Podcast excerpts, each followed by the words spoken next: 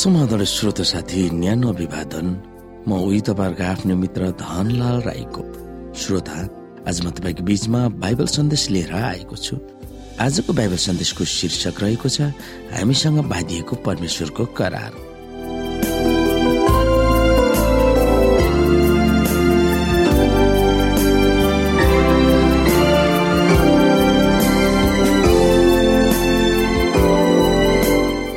श्रोता यस हामीसँग बाँधिएको परमेश्वरको करार भन्ने बाइबल सन्देशमा हामीले विशेष अध्ययन गर्नुपर्ने बाइबलीय पदहरू रहेको छ। मती दश अध्यायको बाइस पद योहन्ना छ अध्यायको उन्तिस पद व्यवस्था अठाइस अध्यायको एकदेखि चौध पद युतोपदेश तीन अध्यायको एकदेखि दस पद मलाकी तीन अध्यायको सातदेखि एघार र मती छ अध्यायको पच्चिसदेखि तेत्तिससम्म। श्रोत साथी आज हामीले विशेष गरिकन मेमोरी गर्नुपर्ने भर्स अथवा सम्झनु पर्ने बाइबलीय पद रहेको छ। व्यवस्था अठाइस अध्यायको एकदेखि दुईसम्म यहाँ भनिएको छ आज मैले तिमीहरूलाई आदेश दिए बमोजिम तिमीहरूले होसियारी साथ परमप्रभु आफ्ना परमेश्वरका सबै आज्ञाहरू मानेर उहाँको वचन पालन गर्यो भने उहाँले तिमीहरूलाई पृथ्वीका सबै जातिहरू मध्ये श्रेष्ठ तुल्याउनुहुनेछ परमप्रभु आफ्ना परमेश्वरको वचन पालन गर्यो भने यी सबै आशिष तिमीहरूलाई लाग्नेछन्। र तिमीहरू साथ रहनेछन्। श्रोत साथी यो अचम्मको छ कि परमेश्वरले हामीसँग सम्झौताहरू गर्नुभएको छ वा करारहरू बाँध्नु भएको छ? प्राय जसो ती सम्झौताहरू दुई पक्षीय हुन् ती सम्झौताहरू कार्यान्वयन गर्ने जिम्मेवारी दुवै र परमेश्वर र मानव जातिमा हुन्छ। दुवै पक्षहरू समावेश हुने करारको उदाहरणमा यो हो। यदि तिमीहरूले यो गर्यौ भने म त्यो गर्नेछु वा म यो गर्नेछु यदि तिमीहरूले त्यो गर्यौ भने दुर्लभ वा अपवादको रूपमा पनि करार वा सम्झौता हुन्छ। मानव जातसँग गर्नुभएको केही करारहरू त्यस्ता खालका छन् जसमा यो हुन्छ तिमीहरूले गरे तापनि वा नगरे तापनि म यो गर्नेछु। हामीले उदाहरणमा हेर्न सक्छौ उहाँले दुवै असल र खराबको लागि उहाँले सूर्य उदाइदिनुहुन्छ र न्याय र अन्याय दुवैलाई उहाँले वर्षा पठाउनुहुन्छ। हामीले जे गरे तापनि वा नगरे तापनि घाम उदाउन र पानी पर्ने कुरामा हामी परमेश्वरमा भरोसा राख्न सक्छौ।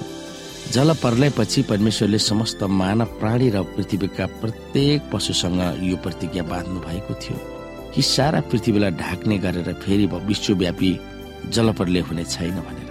यसमा हाम्रो क्रियाकलापको सरकार छैन। उहाँले यो पनि प्रतिज्ञा गर्नुभयो पृथ्वी रहन्जेल बिउ छर्ने र फसल काट्ने समय जाडो र गर्मी ग्रीष्म र शिशिर दिन र रातको अन्त्य पनि हुने छैन भनेर। हामीले जे गरे पनि नगरे पनि मौसमहरू आइरहन्छन् र गइरहन्छन्। हामी उत्पत्ति नौ अध्यायको नौदेखि समय हेरौँ श्रोता। यहाँ भनेको छ तिमीहरू र तिमीहरूका भावी सन्तानसित तथा जहाजबाट तिमीहरूसित निस्केर आएका सबै जीवित प्राणीहरू अर्थात् पन्छीहरू पालिने पशुहरू वन पशुहरू तिमीहरूसित भएका पृथ्वीका सबै जीव जन्तुहरूसित म मेरो करार स्थापित गर्दछु।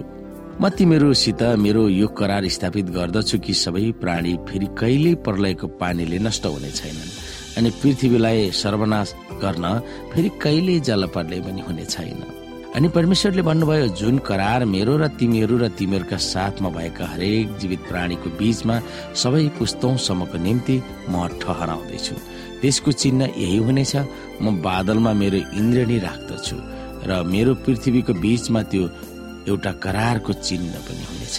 जहिले जहिले म पृथ्वीमा बादल फिजाउँछु र बादलमा इन्द्रणी देखा पर्छ मेरो र तिमीहरू अनि हरेक किसिमको जीवित प्राणीको बीचमा रहेको मेरो करार म सम्झनेछु। पानीले फेरि कहिले सबै प्राणीलाई नाश गर्ने प्रलय ल्याउने छैन। जुन बेला बादलमा इन्द्रिणी देखा पर्छ म त्यो हेरेर यो सधैँको करारलाई सम्झनेछु जो परमेश्वर र पृथ्वीका सबै जीवित जीवातसँग बाँधिएको छ। यसरी परमेश्वरले नुहालाई भन्नुभयो मैले पृथ्वीका सारा प्राणी र मेरा बीचमा बाँधेको करारको चिन्ह यही हो।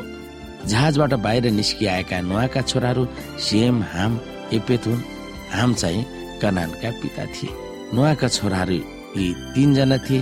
यिनीहरूबाट समस्त पृथ्वी भरियो र आज हामी अनि हामी तिनै नुहाका सन्तानहरू हौ र हाम्रो बीचमा यही नै कारण उहाँले स्थापित गर्नु भएको छ। हामीले यहाँ उत्पत्ति आठ अध्यायको बाइसलाई हेरौँ भने के कुरा पाउन सक्छौ?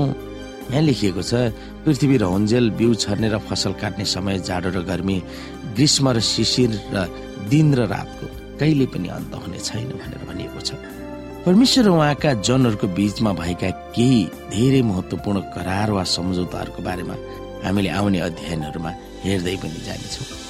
हामी यो प्रार्थना गरौँ कि परमेश्वरको अनुग्रहले हामीबाट उचाली राख्नुपर्ने करार वा सम्झौतालाई उचाली राखौँ उहाँले हामीसँग बाँच्नु भएको करार मुताबिक हाम्रो जीवनचर्यालाई अगाडि बढायौँ भने अवश्य पनि हामी त्यो राज्यमा प्रवेश गर्नेछौँ।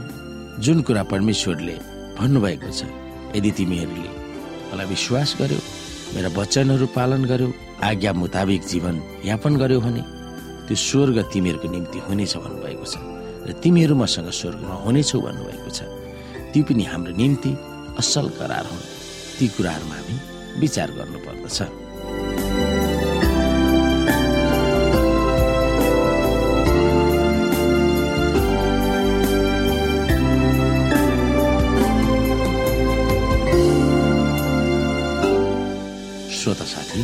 आजको लागि बाइबल सन्देश यति नै।